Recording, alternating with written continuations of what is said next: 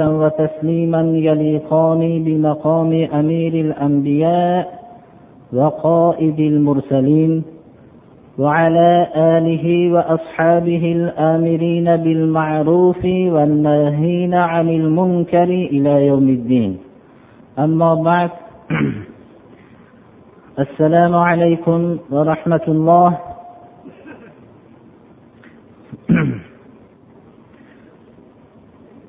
payg'ambarimiz sollallohu alayhi vasallam qur'oni karimning tilovatiga ummati islomni ko'p targ'ib qilib yo'llanmalar berdilar.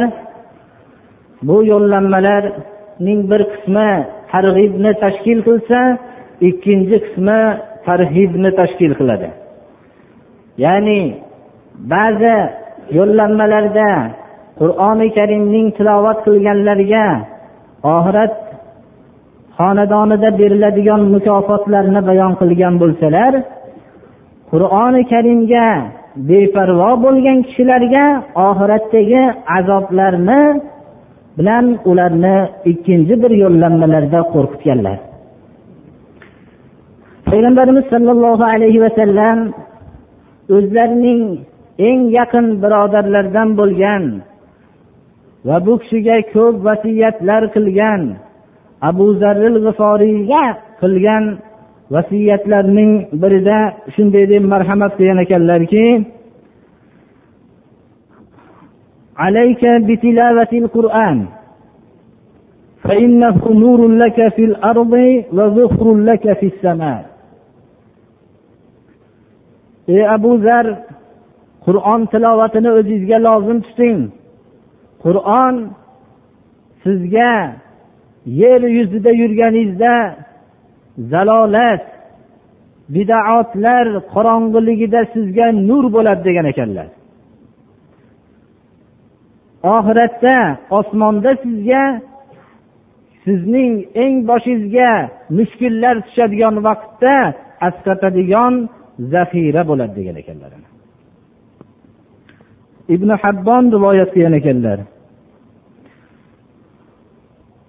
Alhamdulillahi robbil alamin.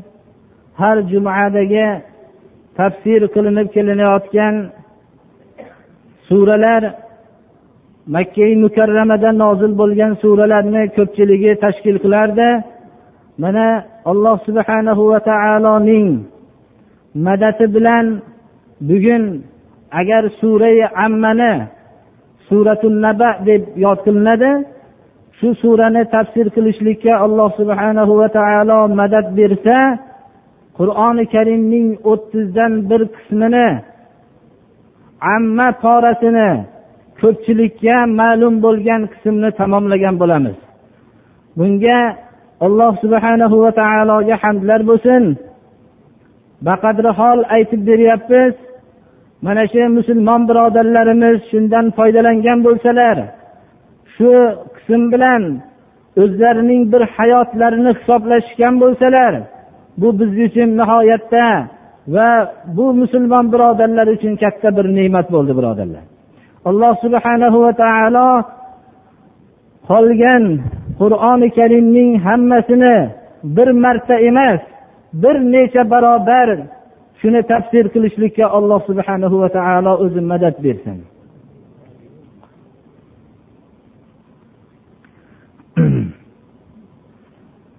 Tafsir qilinmoqchi bo'lgan sura suratul naba nomi bilan nomlanadi. Naba arab tilida xabar degan ma'noda bildiradi. Payg'ambarimiz sollallohu alayhi vasallam makkai mukarramada turganlarida nozil bo'lgan qirq oyatni tashkil qiladi. Suratul naba birinchi qismida alloh subhanahu va taolo qiyomat haqiqati haqida va makka mushriklarining tamomiy fikrlarini qamrab olgan o'lgandan keyingi tirilishlik masalasini bayon qilishlik bilan boshlaydi. Makka mushriklari ollohni inkor qilishmasdi. Makka mushriklari koinotning yaratilishi alloh subhanahu va taolo tarafidan bo'lganligini inkor qilishmasdi. Lekin ular o'lgandan keyingi tirilishlikka nihoyat darajada ajablanishib qarshi chiqishgan edi.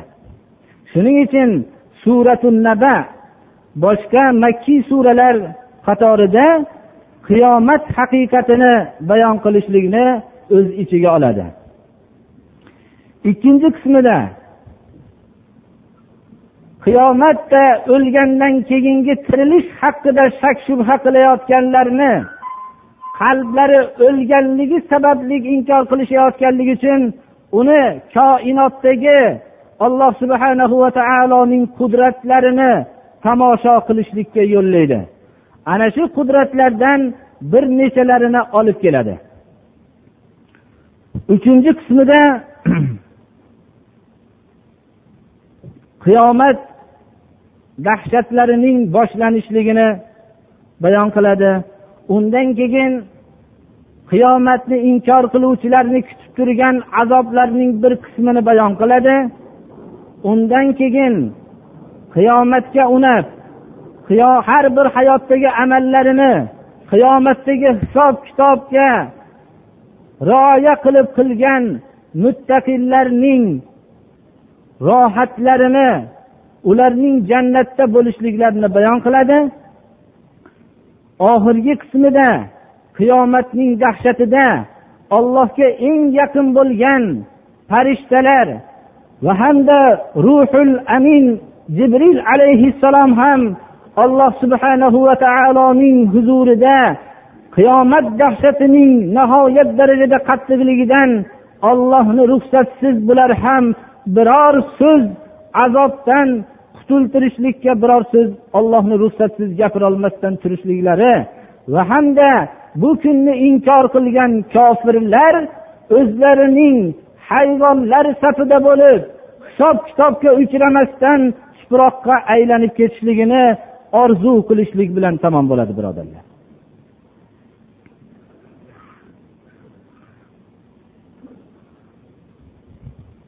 بسم الله الرحمن الرحيم عما يتساءلون عن النبأ العظيم الذي هم فيه مختلفون كلا سيعلمون ثم كلا سيعلمون makka mushriklari qiyomat haqida ba'zilari ajablanib bir birlariga savol qilishardi ba'zilari qiyomatni bo'lishligini xabar berganlarni shu qatorda muhammad alayhissalomni va u kishiga nozil bo'lgan oyatlarni masxara qilishib savol qilishardi. Ba'zilari butunlay inkor qilishib savol qilishardi. Alloh subhanahu va taolo suratu nabaning avvalida makka mushriklari odamlar nima haqda bir birlari bilan savol qilishyapti? Ular qaysi narsani masxara qilib bir birlariga savollar bilan gaplashishyapti? Javobni ham alloh subhanahu va taolo o'zi berib ular voqealari dahshatli bo'lishlikda nihoyat darajada katta bir xabar haqida gaplashishyapti buni bilishsin.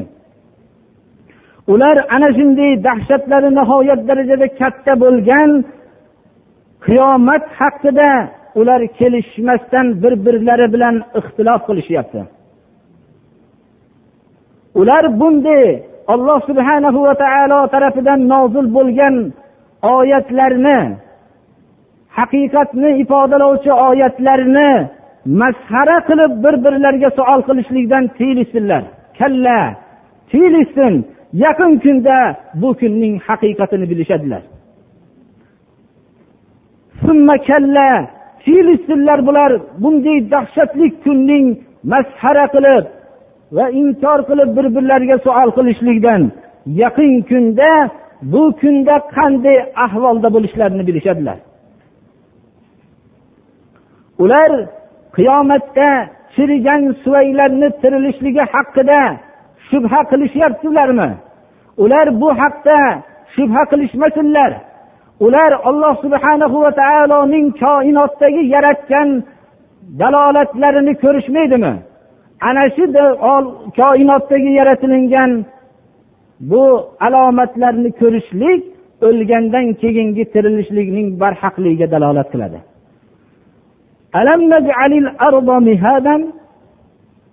والجبال أوتادا وخلقناكم أزواجا وجعلنا نومكم سباتا وجعلنا الليل لباسا وجعلنا النهار معاشا وبنينا فوقكم سبعا شدادا biz yerni hamma mavjudot xususan insonlar bemalol qarorlanib turishadigan manzil qilmadikmi nihot arab tilida ko'rpa va hamda poloslarni aytadi. Go'yoki shunday katta buyuk yer o'zining nihoyat darajada harakat qilishligiga qaramasdan bizni alloh subhanahu va taolo bu yerda nihoyatda osoyishta turadigan holatni muhayyo qilib berdi. Go'yoki biz ko'rpa ustida bemalol rohatlanib o'tiradigan holatda qanday turgan bo'lsak bu yerning katta bir miqdordagi harakatini sezmagan holatda bir rohatlanadigan qilib qo'ydi. Butun yer hamma joyi insonning yashash sharoiti uchun qulay qilingan. Boshqa sayyoralarni mana olimlar hammasi tekshirishyaptilarki yerdagi qulaylikka o'xshagan qulaylik hech yerda yo'qligi ma'lum bo'lyapti. Chunki u yerda alloh subhanahu va taoloning xalifasi yo'qligi uchun u yerda qulaylik yo'q. Bu yerda alloh taolo tamomiy tirik mavjudotning butun peshvosi bo'lgan insonni xalifa qilib yaratdi. Bu xalifaning joyini nihoyatda yashash sharoitini qulay qilib qo'ydi. Shuni minnat qilib alloh taolo yerni biz nihoyatda qulay qilmadikmi? Qulay manzil oromgoh joy qilib qo'ymadikmi? Tog'larni yer muvozanatini saqlab turadigan xuddi chodirni atrofiga qoqib qo'yilgan qoziq chodirni qanday ushlab turgan bo'lsa yerni ham muvozanatini saqlab turuvchi tog'lar go'yoki yerning muvozanatini saqlashlikka bir qoziq manzilatini ifodalaydi birodarlar. Vatad qoziq ma'nosini bildiradi arab tilidan. Alloh subhanahu va taolo shunday salobatli tog'larni yer yuzasining muvozanatini saqlashlik uchun buning nihoyatda muvozanatlik turishligi uchun qoziq manzilatida qilib o'rnatib qo'ydi. Bu qanday muvozanatini saqlab turishligi bizga qorong'i. Bu bir necha ehtimollarga bo'lishligi mumkin. Masalan suvning qismini bo'shligi muvozanatli bo'lib turib bo'lsin deb tog'larning uni balandlik qismini shunday qilib qo'ydimi? Yo boshqami? Alloh subhana va taoloning o'ziga ma'lum. Fan buni tekshirgan sari uning ajoyibotlarini topaveradi mana. Biz sizlarni juft qilib yaratdik. Alloh taolo tamomiy mavjudotni juft qilib yaratdi. Shuning qatorida insonni ham juft qilib yaratdi.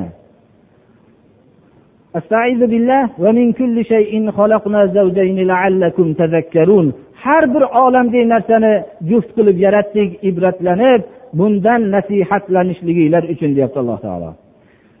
Mavjudot ichida mana hozirda ma'lum bo'lyaptiki juftmas narsaning yo'q ekanligi. Hatto jonsiz mavjudotlar ham manfiy va musbatni tashkil qilishligi ma'lum bo'lyapti birodarlar mana. Bu juft qilib yaratilinishlik go'yoki tog'lar yerning muvozanatini saqlab turishlik uchun bo'lgandek insonning juft bo'lishligi ham hayot muvozanatini saqlashlik uchun bo'lyapti birodarlar. Shuning uchun ikkala juftga ikkala ikki xil tabiatni berdiki bu bir birining muvozanatini saqlab turadigan holatni paydo qiladi.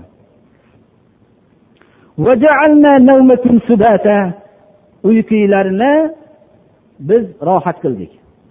Subot kalimasi asli arab tilida idrok va hayotdagi faoliyatdan ajralishlikni aytadi.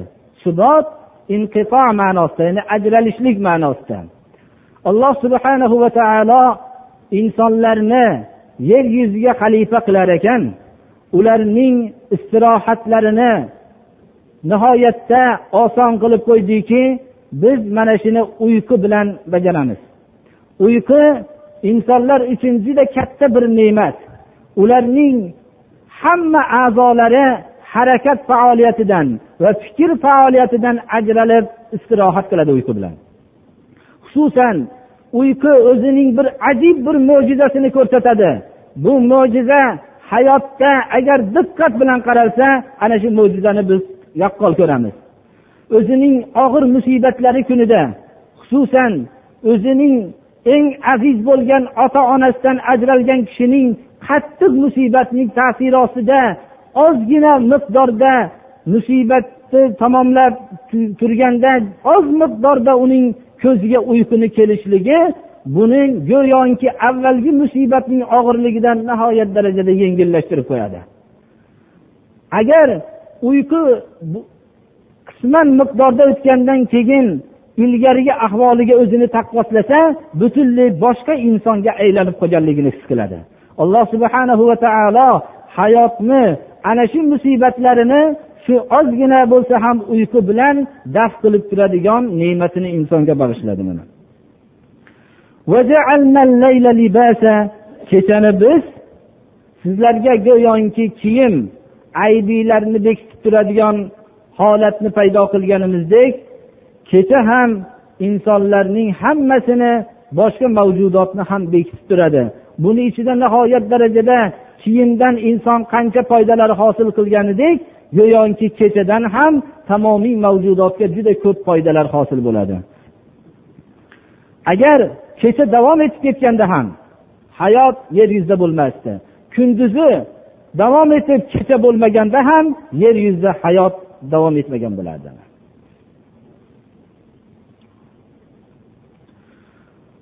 ana uyquni ham kechaga tanlanishligi bizning hamma a'zolarimiz o'zining harakatidan qisman dam oladigan vaqtni hamma narsaning pardalovchi kechada paydo qilib berishligi ham alloh subhana va taoloning bu katta ne'matlaridan. Biz kunduzini odamlarning maishatlarini hayotdagi hosil yashashliklarining ozuqalarini hosil qiladigan maydon qilib berdik.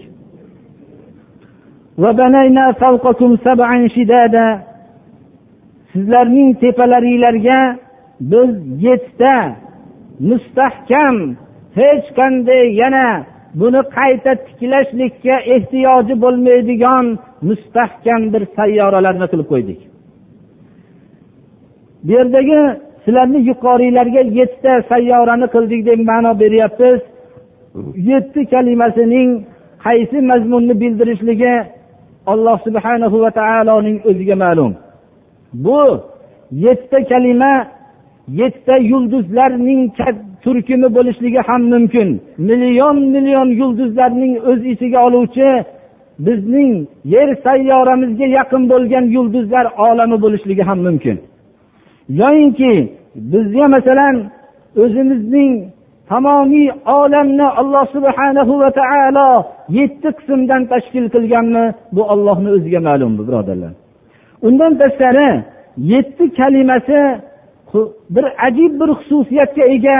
Agar biz olamdagi o'zimizni hayotimizda o'tayotgan ishlarga nazar tashlasak bolaning onani qornida yetti oyda komil bo'lishligi kunlarning uzoq tarixlardan beri hamma millatlar qaysi dinga mansub bo'lishligidan qat'iy nazar yetti kunga taqsim qilinishligi va hamda hozirgi fan olamida ma'lum bo'lib turgan quyoshning nurining taqsimotini ham yettiga taqsim bo'linishligi xullas yetti kalimasida hayotda o'zi bir qandaydir bir sir borki mumkinki olamning hammasini alloh subhanahu va taolo hali keyinda kashf bo'ladimi yettiga bo'lganligi.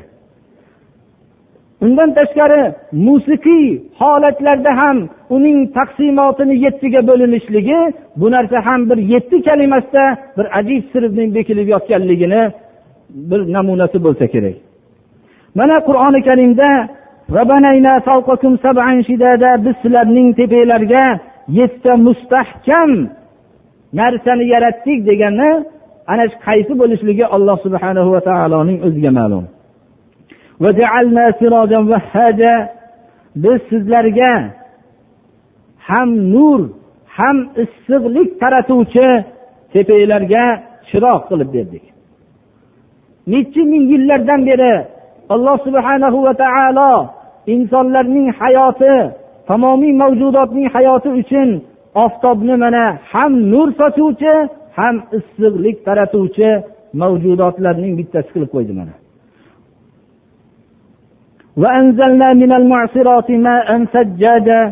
Biz bulutlardan to'kilishligi nihoyat darajada tez bo'lgan suvlarni tushirdik. Suvlarning ajib bir mahorat bilan ajoyib sun'at bilan to'kilib turilishligi biz afsus buni hech bir e'tibor bermaymiz. Hammasining bir tomchi suratida bo'lib to'kilib turishligi ajoyib bir holatni paydo qiladiki yer yuzidagi biror bir mavjudotga zarar bo'lmagan holatda tamomiy foydani tashkil qiladi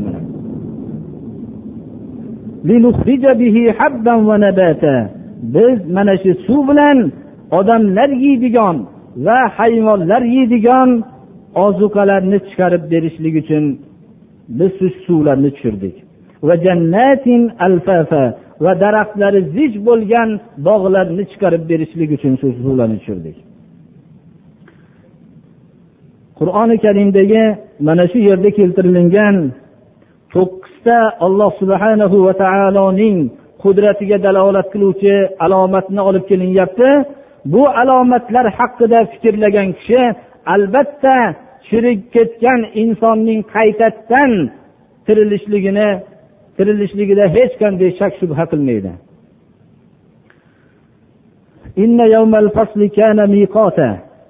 Ana shunday qudratlarga qodir bo'lgan alloh subhanahu va taolo qiyomatni albatta bo'ldiradi. Qiyomat odamlarning o'rtalarini odamlarning yaxshi yomonga odamlarning ahli jannat va ahli do'zaxga ajratadigan kun bu. Bu kun alloh subhanahu va taolo tarafidan muvaqqat qilingan tayinlangan buni hech bir insonga bilishlikni muyassar qilmagan. Alloh subhanahu va taolo o'zi muayyan qilgan kunda bo'ladi. Bu kunda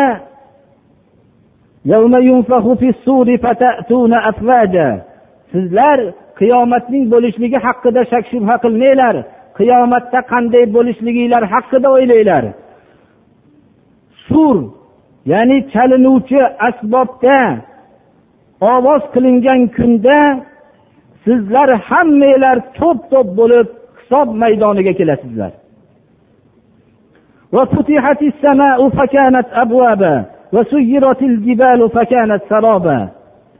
Osmon yoriladi yorilish o'rinlari go'yoinki bob bob bo'lib darvozalarga o'xshagan yoriladi qur'oni karimda osmonning yorilishligi haqida boshqa suralarda ham tafsir qildik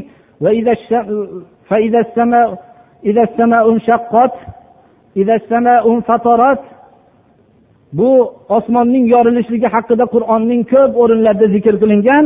Mana bu yerda fath kalimasi bilan keltirilyapti. Bob kalimasiga nihoyatda munosib kalimadir ana osmon yoriladi. Yorilish o'rinlari go'yoki bob bob bo'lib hammasi darvoza bo'lib ochilib shunday yoriladi. Yorilishligida hech kim shak shubha qilmaydigan suratda yoriladi. Tog'lar hammasi to'zon bo'lib uchiriladi ollohning hukmi kelganda salobat to'kib turgan tog'lar hammasi go'yoki haqiqati yo'q bo'lgan sarobday bo'lib havoda uchib yuradi ana bu qiyomat kuni bo'lganda odamlarning va koinotdagi bo'lgan hodisalar shundan iborat إن جهنم كانت مرصادا للطاغين مآبا لابثين فيها أحقابا لا يذوقون فيها بردا ولا شرابا إلا حميما وغساقا جزاء وفاقا إنهم كانوا لا يرجون حسابا وكذبوا بآياتنا كذابا جهنم ollohning dushmanlarini kutib turadigan makon bo'ladi mirsod kishi o'zining dushmanini nihoyatda sinchiklab kutib turgan o'rinni aytadi Bu qiyomat kunida odamlar ahli do'zax va ahli jannatga bo'lingan kunda jahannam ollohni dushmanlarini shu kunni inkor qilgan kishilarning nihoyatda diqqat bilan kutib poylab turgan makon bo'ladi birodarlar kimni kutib turadi?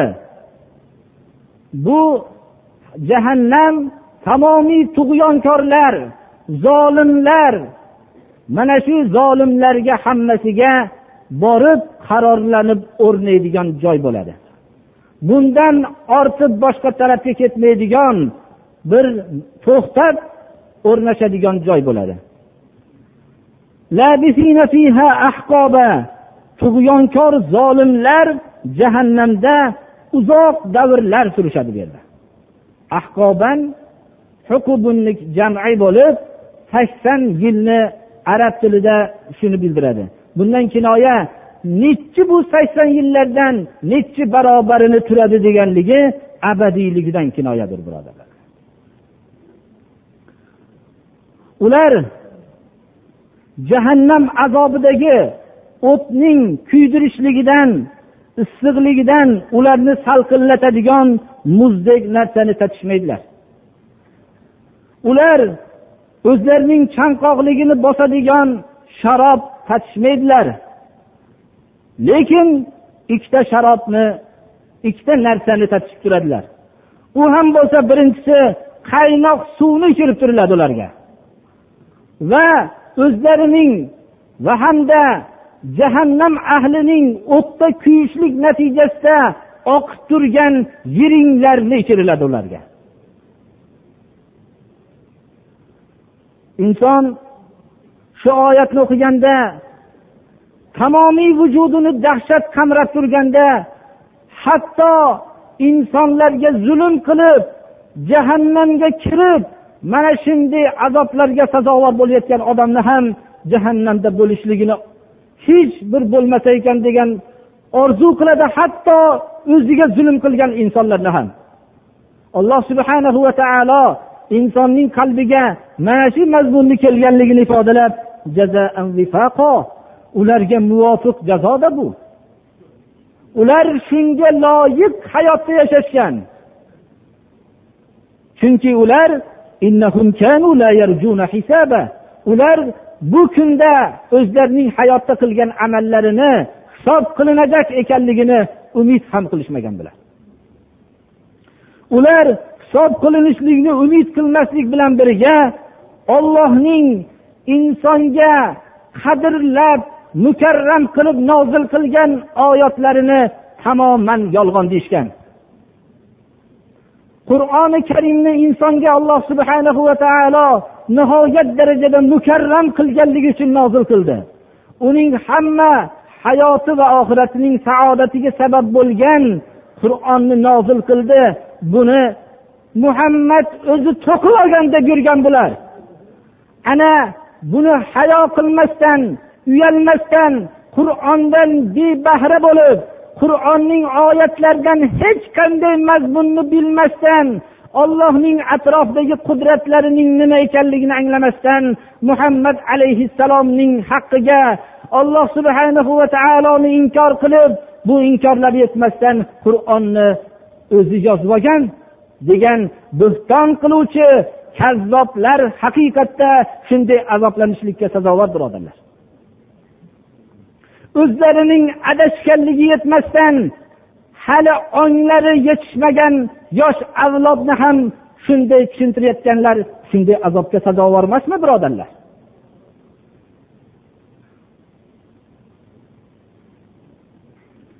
وكل شيء أحصيناه كتابا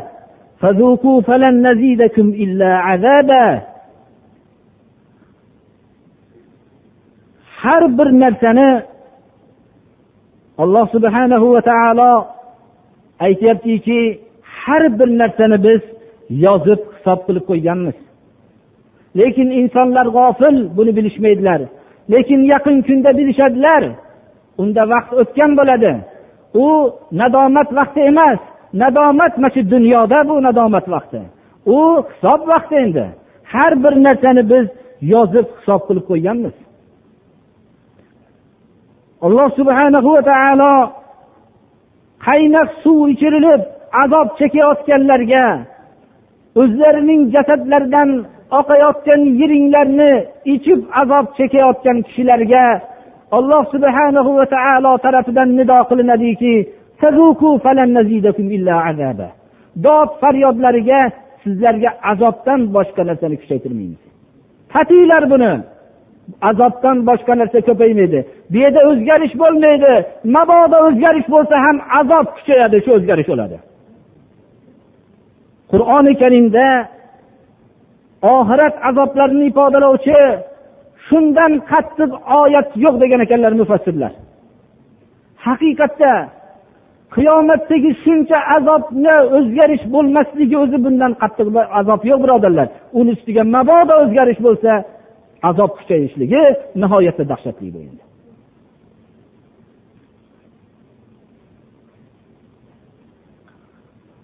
Qur'oni karimni tilovat qilib shu yerga kelganda insonning tamomiy vujudi larzaga kelib oxiratda azobdan boshqa narsa uning hissida qolmaydi. Tamomiy qalbini umidsizlik paydo qilganda alloh subhanahu va taolo o'zining oxiratda o'zidan qo'rqqan zotlarni nihoyat darajada o'zining jannat ziyofatxonasida rohatlantirishligini bayon qiladi. حدائق وأعنابا وكواعب أترابا وكأسا دهاقا. لا يسمعون فيها لغوا ولا كذابا. جزاء من ربك عطاء حساب رب السماوات والأرض وما بينهما الرحمن لا يملكون منه خطابا. xudodan qo'rqqan kishilarga xudodan qo'rqqan kishilarga xosdir shunday qattiq azoblardan najot topadigan o'rinlar. Xudodan qo'rqqan kishilarga oxirat kunida bunday azoblardan najot o'rni bor. Bu najotgina bo'lmasdan u rohat o'rni hamdir. Katta bog'lar va u bog'larda turli turli tuman mevalar shular ichida uzumlar va hamda inson birinchi bunday dahshat turganda o'zini najot qilishlikdan boshqa narsani o'ylamaydi. Unga najot hosil bo'lgandan keyin endi rohat haqida inson tabiati shunday azobni esdan chiqaradida rohat haqida o'ylay boshlaydi. Ana alloh subhana va taolo rohatning eng komil suratlarini bayon qilyaptiki shunday yaxshi bog'lar va unda xususan hamma turdagi mevalar xususan uzum hammalar borligini bayon qilyapti. Rohat bo'lgandan keyin inson rohatni ko'rgandan keyin o'zining jinsga bo'lgan ehtiyojini his qiladi. Ana shuning uchun alloh taolo bu yerda jannatdagi kamolot belgilari endi ko'ringan bir xil yoshdagi hurlarni zikrini qilyapti. Chunki qur'oni karimda mana shunday lazzatlarni zikr qilinishligi odamlarni dunyodan adashtiruvchi kishilar ikki qismni tashkil qiladi. Ba'zilar odamlarga ko'p yaxshi narsalarni va'da qilib turib adashtiradi. Ba'zilar qo'rqitib adashtiradi. Mana qur'onda qo'rqitish va hamda rag'batlantirish ikkovi ham bor. Dunyoda yaxshi narsalar bilan insonlarni aldayotgan vaqtda qur'oni karimni o'qigan kishi oxiratdagi rohatlarni o'qib unday rohatlar yaxshi lazzatli narsalar bilan aldanmaydi birodarlar. Va limmolim sharob bilan to'ldirilgan kosalar. Inson shunday holatda turgandan keyin osoyishta turishlikni xohlaydi. Bu jannatda insonlar ma'nosiz foydasiz so'zlarni eshitishmaydilar. Ular yolg'onlarni eshitishmaydilar. Endi yolg'on dunyosidan yolg'on nayrangbozlik dunyosidan qutulishadilar unda. Lag'u ma'nosiz gaplar insonlarning kelishmovchiligiga sabab bo'ladi. Yolg'on so'zlar ham odamlarning janjallariga sabab bo'ladi. Shuning uchun janjallarga sabab bo'luvchi narsalar mutlaqo bu yerda yo'q bu narsa sizning rabbis tarafidan mukofotdir va yetarlik suratda marhamatdir bu. Alloh taolo bu mukofotlarning o'zining tarafidan ekanligini bayon qilishligi u mukofotlarning qanchaligini o'zidan boshqa zot bilmaydi albatta. Bo'lib ham bu mukofotni berayotgan robbiz koinot yerning tarbiyat kunandasi koinot yerning o'rtasidagi hamma narsalarning tarbiyat kunandasi va sifati rahmon o'zining rahmatini hamma narsaga yetkazgan zot tarafidandir. Ana bu shunday zot tarafidan shu mukofotlar berilyapti.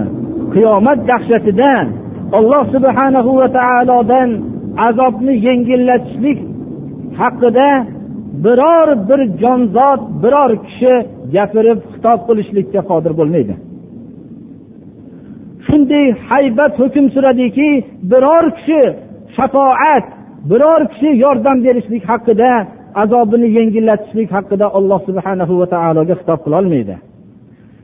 Bu kun shunday bir dahshatli kunki يوم يقوم الروح والملائكة صفا لا يتكلمون إلا من أذن له الرحمن وقال صوابا روح الأمين jibril alayhissalom va boshqa tamomiy ollohni hukmiga bo'ysungan hamma farishtalar saf bo'lib ollohning huzurida bu haybat oldida saf bo'lib turishadilar ular olloh subhanahu va taolo ruxsat bergan zotdan boshqa hech bir kishi gapira olmaydi bu yerda gapirganda alloh subhanahu va taolo shafoatga izn bergan kishigina turib gapiradi.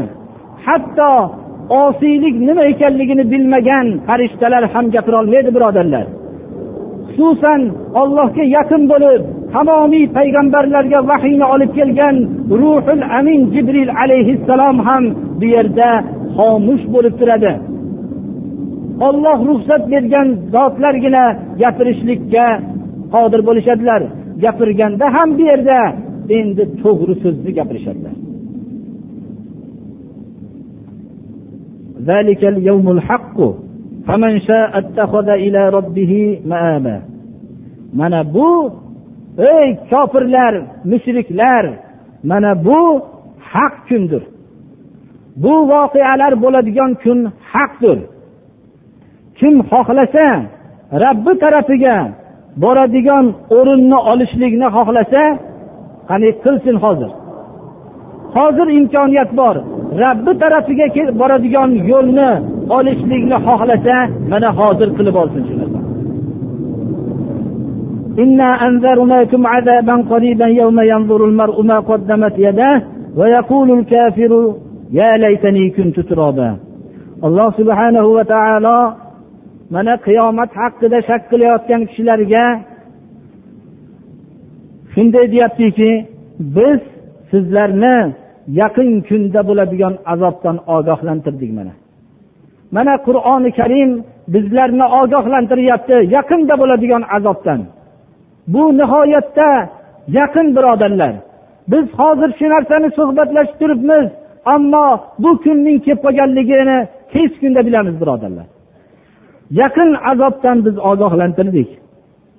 Bu azob shunday kunda bo'ladiki kishi o'zining hayotda qilgan amallarini hammasini nazar tashlaydi. Qaraydi hamma o'zining qilgan amallariga qarab turganda kofir koshkiydi bugun hayvonlar qatorida tuproq bo'lib ketsamiz deydi. Agar hayotingizda hayvon deb so'ksangiz umrbod siz bilan qarshi bo'lib urushadigan kishilar bu kunda hayvon bo'lishlik birdan bir orzusiga aylanadi hisobu mahsharda to'planmasdan hayvonlar safida tuproq bo'lib ketsamidi deydi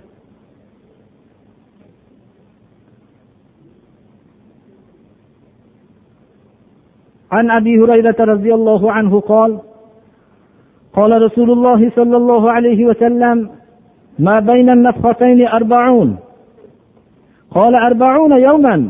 قال أبيت. فأربعون شهرا. قال أبيت. قال أربعون سنة. قال أبيت.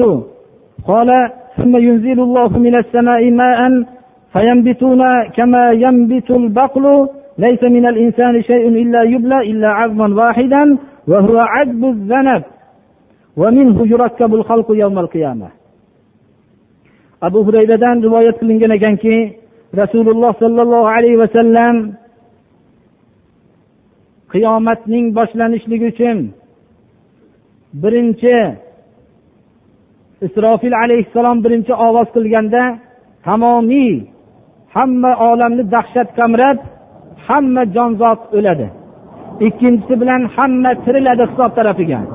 Shu ikkovi ovoz o'rtasida qirq degan ekanlar. Bu so'zni eshitib turgan kishilar abu hurayradan so'rashgan ekanlarki qirq kunmi deganlarda payg'ambarimiz sollallohu alayhi vasallamdan qirq kunmi nimaligini eshitolmay qolgan ekanlar. Aniq tayin qilishlikdan bosh tortdim deydilar. Yana so'rashdilarki qirq oymi? Yana buni haqiqatini aytishdan bosh tortdim dedilar. Qirq yilmi deyishdilar. Men buni ham tayin aytmadim. Men rasululloh sollallohu alayhi vasallamdan qirqdan keyin nima kalima bo'lganligini yodimda qolmaganligi uchun aniq aytolmadim dedilar. Payg'ambarimiz sollallohu alayhi vasallamdan xabarlarni hadislarni rivoyat qilishlikda ashoblar shu darajada ehtiyot bo'lishardilar. Payg'ambarimiz sollallohu alayhi vasallam aytdilarki keyin alloh taolo osmondan suv tushiradi. Xuddi o'simlik ungandek odamlar yangitdan unadi. Endi butun boshqa bir chiroyli suratga o'tadi jannatga kiruvchilar. Payg'ambarimiz sollallohu alayhi vasallam aytgan ekanlarki insondan biror narsa qolmasdan hammasi tushirib ketadi. Lekin ajbuzanat umurtqaning eng oxirgi qismidagi arab tilida ajbu zanab deydi shu narsa qoladi dedilar. Gavhar shu narsa qoladi. Shundan butun mavjudot qiyomat kuni hammasini vujudga keltiriladi dedi. Ollohning qudrati bilan hammaning ana umurtqasining oxirgi qismidagi suvak salomat qilar ekan birodarlar. Nihoyat darajada kichkina narsa u.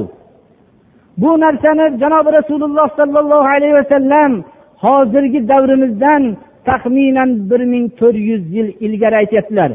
Hozirgi olimlar insonning qaytadan tirilishligi haqida boshlari qotib qoldiki insonning mana shu arab tili bilan aytgan ajbu zanab kichkina umurtqasining oxiridagi suvagini qolishligi isbot bo'ldi birodarlar. Bu men o'qib berayotgan narsa bir ming to'rt yuz yil ilgari aytilingan narsa. Mana bu suvakning salomat qolishligi ularning boshlarini garang qilib qo'ydiki bu insonning qaytadan tirilishligini mumkinligini hozir bilishmoqdalar. Alhamdulillah. Alhamdulillahi robbil alamin. Bizlarga islomning ne'matini qarang. Bular bir ming to'rt yuz yil o'lgandan keyingi tirilishlikni inkor qilib yurishlik holatidan keyin endi kashf bo'lyapti hali bu aniq suratda e'lon bo'lgani yo'q birodarlar. Lekin bizga islomning ne'mati bu narsani biz osongina bilib oldik. Ana payg'ambarlar tarafidan bo'lgan bizga ne'mat shunday kattaki agar ta'bir joiz bo'lsa payg'ambarlar insonlarga nihoyat darajada komil ilmni olib kelishdilar. Bu ilmni bepul oson qilib olib kelishdilar. Uning oddiy bir inson bilan zehni yuqori bo'lgan inson tushunadigan holatda olib kelishdilar. Ana bu ilmni lekin insonlar bunday qadrli ilmga hammalari shukur qilisholmadilar go'yoki payg'ambarlar ilmini olib kelgan ilmni tamsil joiz bo'lsa bir dunyo xaritasini oldida turgan deymiz. Dunyo xaritasida tinch katta bu okeanini bizga chuqurligini yozib qo'yilgan. O'rmonlarning qancha maydonni tashkil qilishligini uni ham yozib qo'yilgan. Tog'larning baland cho'qqilarini qanchaligini uni ham yozib qo'yilgan. Lekin bu nihoyatda bizga buni o'lchovini qanchaligini bilishlik uchun juda katta tajribayu mehnatlar bilan o'lchangan. Lekin bizga u narsa oddiygina holatda kelyapti. Endi payg'ambarlarning ilmi ham xuddi shunga o'xshagan tamsil joiz bo'lsa shunaqa oson kelgan edi. Endi payg'ambarlar yo'lini qabul qilmagan odamlarning misoli shunga o'xshaydiki dunyo xaritasining ro'barasida turib tinch okeanining men o'n kilometr chuqurdagi chuqurligini men qabul qilmayman. O'zimning yonimda o'lchov asbobim bor. Men buni o'lchab o'zim tekshirmagunimcha qabul qilmayman. Kim ko'ribdi bu narsani deb qabul qilmagan odamni misoliga o'xshaydi. Lekin uni o'lchashlik agar o'lchashlik unga nasib bo'lsa ham shu bilan umri o'zi tamom bo'lardi. Boshqa narsaga aqli yetmasdi. Lekin uni agar o'lchab o'lmasdan halok bo'lmasdan o'lchaganda ham o'n mil chiqishligi uni keyin afsus yeydiki u mil ekan buni ichidagi gavharlardan foydalansam bo'lar ekan buni o'lchashlik bilan ovora bo'lmasdan deb. Ana dunyo xaritasini oldida turib biror kishi aytmaydiki bu narsani men qabul qilmayman deb aytmaydi. Qabul qilmagan odamni biz albatta nodon deymiz. Lekin islom tarafidan bizga ming yillardan keyin ma'lum bo'ladigan ilmlar oson lo'nda holatda kelgan ilmni qabul qilmaganlar o'zlarining aqlli kishilar deb sanamoqdalar birodarlar. Ana bu narsa bizga islom ne'mati shunaqa kattaki biz juda qiyinchiliklar bilan bilishligimiz mumkin bo'lgan narsalarni islom osonlikcha payg'ambarlar vositasi bilan bizga olib kelib berdi mana birodarlar.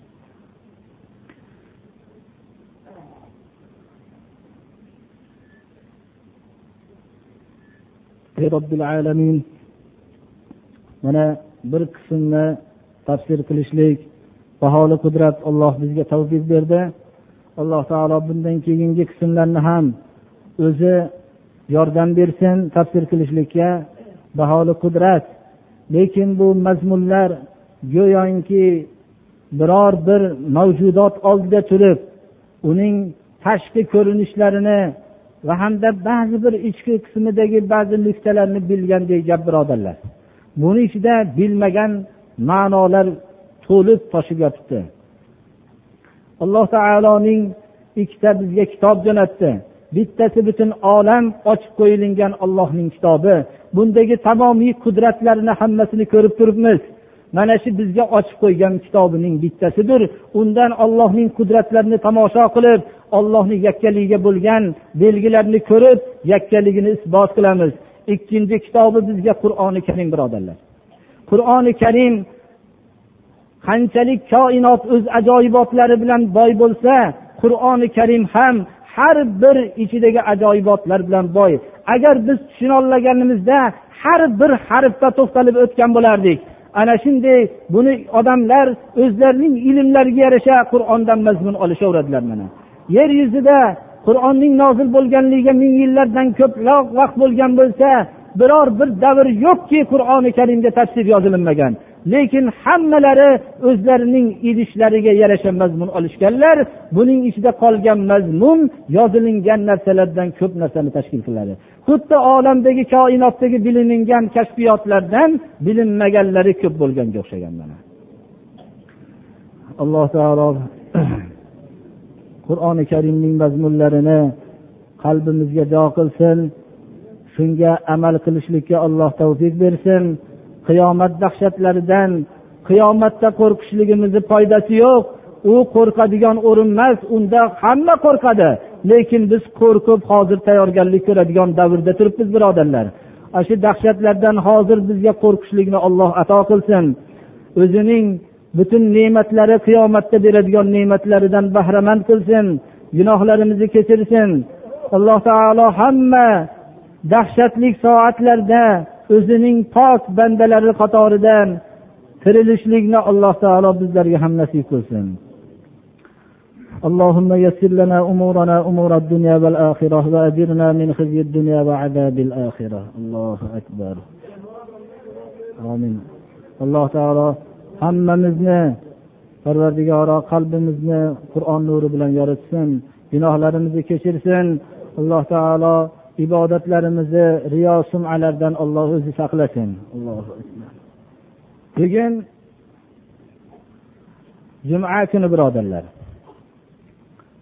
Ho'p kalendarda ko'rsatilingan janobi rasululloh sollallohu alayhi vasallamning tug'ilgan kunlari ixtiloflik hozirgi kalendarda to'qqizinchi rabiul avvalni ko'rsatilibdi. To'qqizinchi rabiul avval dushanba kun bo'lsa kerak. Shundaymi? Hozir bugungi tislamiz bilan rabiul avvalning tislasi to'g'ri kelyapti birodarlar. Oltinchi kun bugun.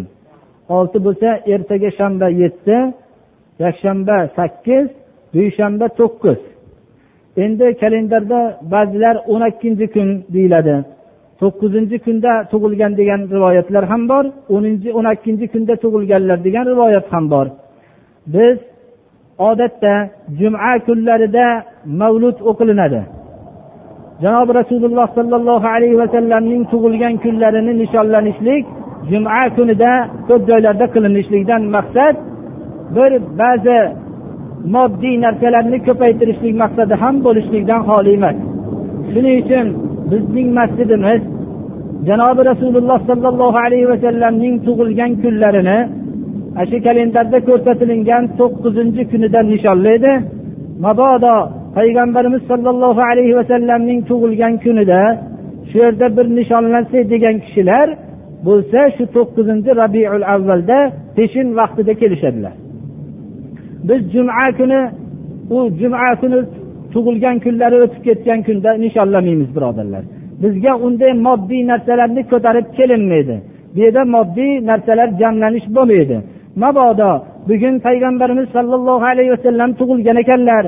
Biz u kishi miskinlarni yaxshi ko'rar ekanlar u kishining odatlari.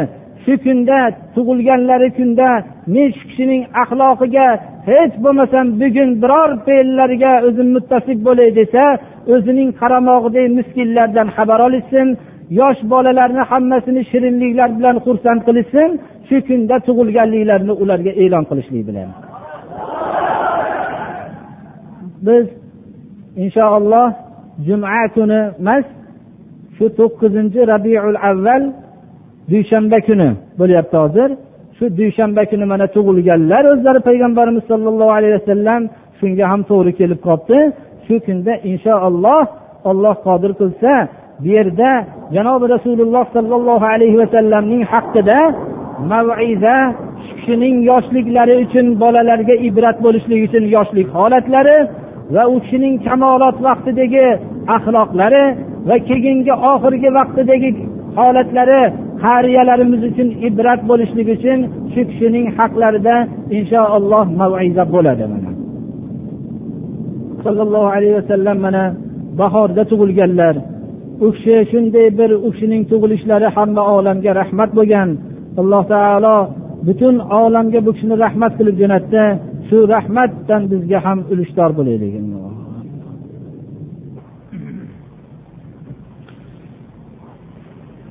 الحمد لله فاطر السماوات والأرض جاعل الملائكة رسلا أولي أجنحة مثنى وثلاث ورباع يزيد في الخلق ما يشاء إن الله على كل شيء قدير ما يفتح الله للناس من رحمة فلا ممسك لها وما يمسك فلا مرسل له من بعده وهو العزيز الحكيم.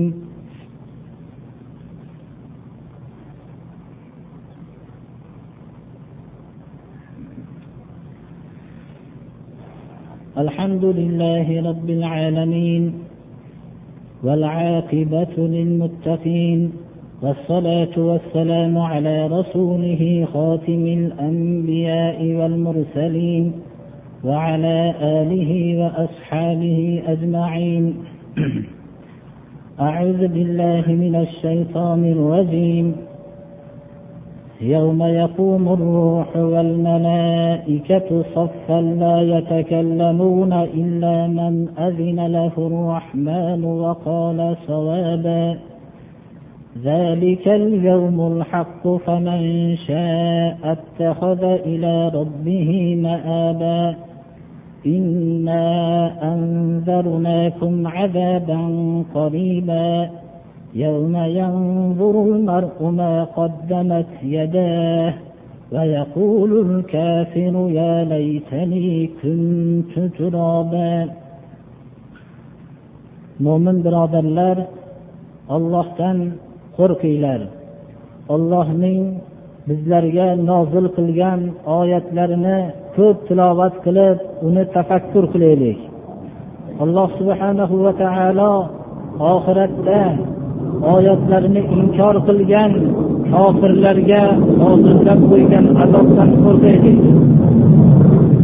Qiyomat dahshati shunday dahshatli kunki mana shu oyatda butun ma'siyat nimaligini bilmagan ollohning eng yaqin bandalari maloikalar jibril alayhissalomdek butun umrlari tamomiy alloh subhanahu va taoloning payg'ambarlarga vahiy olib kelgan zotlar ham ollohning huzurida ollohni ruxsatsiz gapirishlikka qodir bo'lishmaydilar. Gapirishganlarida ham to'g'ri gapirishlikdan boshqa choralari bo'lmaydi. Bu kun haq kundir. Kim hozirda imkoniyat borida alloh subhanahu va taoloning tarafiga olib boruvchi yo'lga chiqmoqchi bo'lsa hozir chiqib olishlik imkoniyati bor. Shuni g'animat bilsin. Alloh subhanahu va taolo mana shu oyatda bandalarga payg'ambarlar jo'natib butun oyatlarni nozil qilib shu bilan birga yana ham shunchalik ollohni ne'matini bilmagan kishilarga ham ey odamlar biz sizlarni yaqinda bo'ladigan azobdan ogohlantirdik mana. Bu azob shunday qiyin kunki azob bo'ladigan kun. Kishi o'zining qilgan amaliga bir nazar tashlab kofirlar shu kunni inkor qilganlar hayvonlar safida tuproq bo'lib ketsam deydigan dahshatli kun. Hisobning shu darajada hisob tarafiga yo'l olinishlik og'irki hozir shu hisobda ro'baro bo'lgandan hayvonlar qatorida tuproq bo'lib ketsam der ekan. Mana shu azobdan qo'rqaylik. Shu azobga hozirlik ko'rishlik uchun hozir taqvo amali solihlarni qilmoqligimiz kerak. Ollohni buyurganlarini qilmoqligimiz kerak. Qaytargan narsalardan qaytmoqligimiz kerak. Tavba qilaylik. Hammamiz gunohlarimizni alloh taolo ketsin. Qilayotgan ibodatlarimizni o'zi qabul qilsin. بارك الله لي ولكم في القرآن العظيم ونفعني وإياكم بما فيه من الآيات والذكر الحكيم. إنه هو الغفور الرحيم. الله الرحمن الرحيم. اللهم تقبل منا إنك أنت السميع العليم. alloh taolo shu o'qigan juma namozimizni u jumadan bu jumaga bo'lgan gunohlarimizga alloh taolo kafforat qilsin اللهم إنا نعوذ بك من الكفر والفقر والجبن والكسل ومن فتنة المحيا ومن فتنة الممات ومن فتنة المسيح الدجال ومن فتنة عذاب القبر وأن نرد إلى أرذل العمر. ربنا لا تجعلنا فتنة للقوم الظالمين ونجنا برحمتك من القوم الكافرين. ربنا اغفر لنا ذنوبنا وإسرافنا في أمرنا وثبت أقدامنا وانصرنا على القوم الكافرين. وصلى الله تعالى على خير خلقه محمد وآله وأصحابه أجمعين. الله أكبر. الله من الشيطان الرجيم. بسم الله الرحمن الرحيم. يا أيها الذين آمنوا توبوا إلى الله توبة نصوحا. عسى ربكم أن يكفر عنكم سيئاتكم ويدخلكم ويدخلكم جنات تجري من تحتها الأنهار. يوم لا يخزي الله النبي والذين آمنوا معه. نورهم يسعى بين أيديهم وبأيمانهم. يقولون ربنا أتمم لنا نورنا واغفر لنا. إنك, إنك على كل شيء قدير. سبحان ربك رب العزة عما يصفون. وسلام على المرسلين والحمد لله رب العالمين. اللهم تقبل منا إنك أنت السميع العليم. اللهم ارحمنا بالقرآن العظيم واجعله لنا إماما ونورا وهدى ورحمة.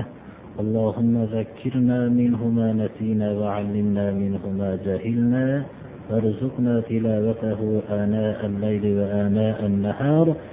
واجعله لنا حجة يا رب العالمين الله أكبر ومهمانlarda biz bunaqa kutib ololmayapmiz alloh taolo bir duo qilib qo'yaylik mehmonlarimizni alloh taolo gunohlarini mag'firat qilsin ibodatlarini alloh taolo qabul qilsin ularni kelishligini alloh taolo bizlarga bir yaxshilik qilsin allohu akbar